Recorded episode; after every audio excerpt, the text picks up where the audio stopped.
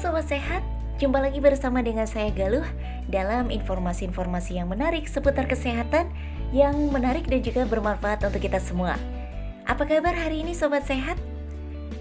Sehat ya? Semoga Anda sehat hari ini dan semoga kita senantiasa bisa selalu menjaga kesehatan kita. Nah, Galuh kembali hadir dengan informasi dan kali ini kita melanjutkan informasi yang kemarin nih Sobat Sehat tentang kelelahan akibat video conference. Oke Sobat Sehat, pembahasan kita hari ini bersumber dari Stanford University tentang kelelahan akibat video conference. Nah ternyata nih Sobat Sehat, kontak mata jarak dekat yang berlebihan sangat intens ini membuat kita lelah, lalu juga melihat diri sendiri secara terus-menerus di dalam video conference itu juga membuat kita merasa lelah dan ternyata video conference itu bisa mengurangi mobilitas kita secara drastis. Nah ternyata nih Sobat Sehat, ternyata masih ada satu lagi yang membuat kita merasa kelelahan. Yaitu beban kognitif jauh lebih tinggi dalam obrolan dengan video conference.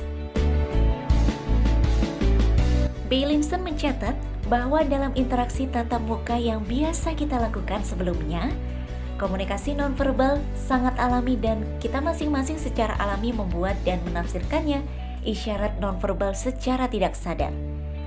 Namun sobat sehat, dalam obrolan virtual, kita harus bekerja lebih keras untuk mengirim dan menerima sinyal nonverbal ini. Akibatnya sobat sehat, manusia telah mengubah salah satu hal paling alami di dunia, yaitu percakapan langsung dan mengubahnya menjadi sesuatu yang melibatkan banyak pemikiran. Misalnya saja nih sobat sehat, kita harus memastikan bahwa kepala kita masuk dalam bingkai di tengah video. Lalu bayangkan, saat kita ingin menunjukkan kepada teman kita dalam pertemuan yang sama bahwa kita setuju dengannya, nah ini kita jadi harus mengangguk secara berlebihan sobat sehat. Atau mengacungkan jempol. Nah, hal ini kan tidak perlu kita lakukan dalam percakapan langsung ya. Nah, hal seperti itu sobat sehat yang menambah beban kognitif untuk berkomunikasi dengan video conference. Ah, untuk hal ini sobat sehat, solusi yang bisa kita lakukan mirip seperti masalah sebelumnya. Jadi, selama pertemuan atau rapat yang agak panjang secara virtual, kita bisa memberikan jeda untuk menghindari kelelahan akibat beban kognitif ini. Kita bisa masuk dalam mode audio only alias mematikan video kita sobat sehat. Hal ini bukan hanya tentang mematikan kamera untuk beristirahat dan keharusan aktif secara nonverbal, tetapi juga bermanfaat untuk memberikan jarak antara tubuh dari layar. Sekali lagi sobat sehat, semua pendapat ini kita ambil dari publikasi Bailinson.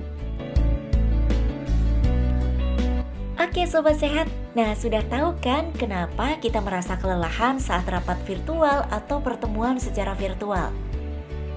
Nah kita juga ternyata bisa loh mengurangi kelelahan yang kita alami saat rapat virtual tersebut.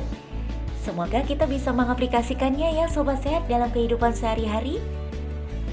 Oke, Terima kasih banyak atas kebersamaan Anda. Galuh pamit dulu. Kita jumpa lagi di lain kesempatan. Dan Galuh akan tetap memberikan informasi seputar kesehatan yang menarik dan juga bermanfaat untuk kita. Sehat selalu untuk Anda, Sobat Sehat. Jumpa lagi di lain kesempatan. Galuh pamit dulu. Dadah!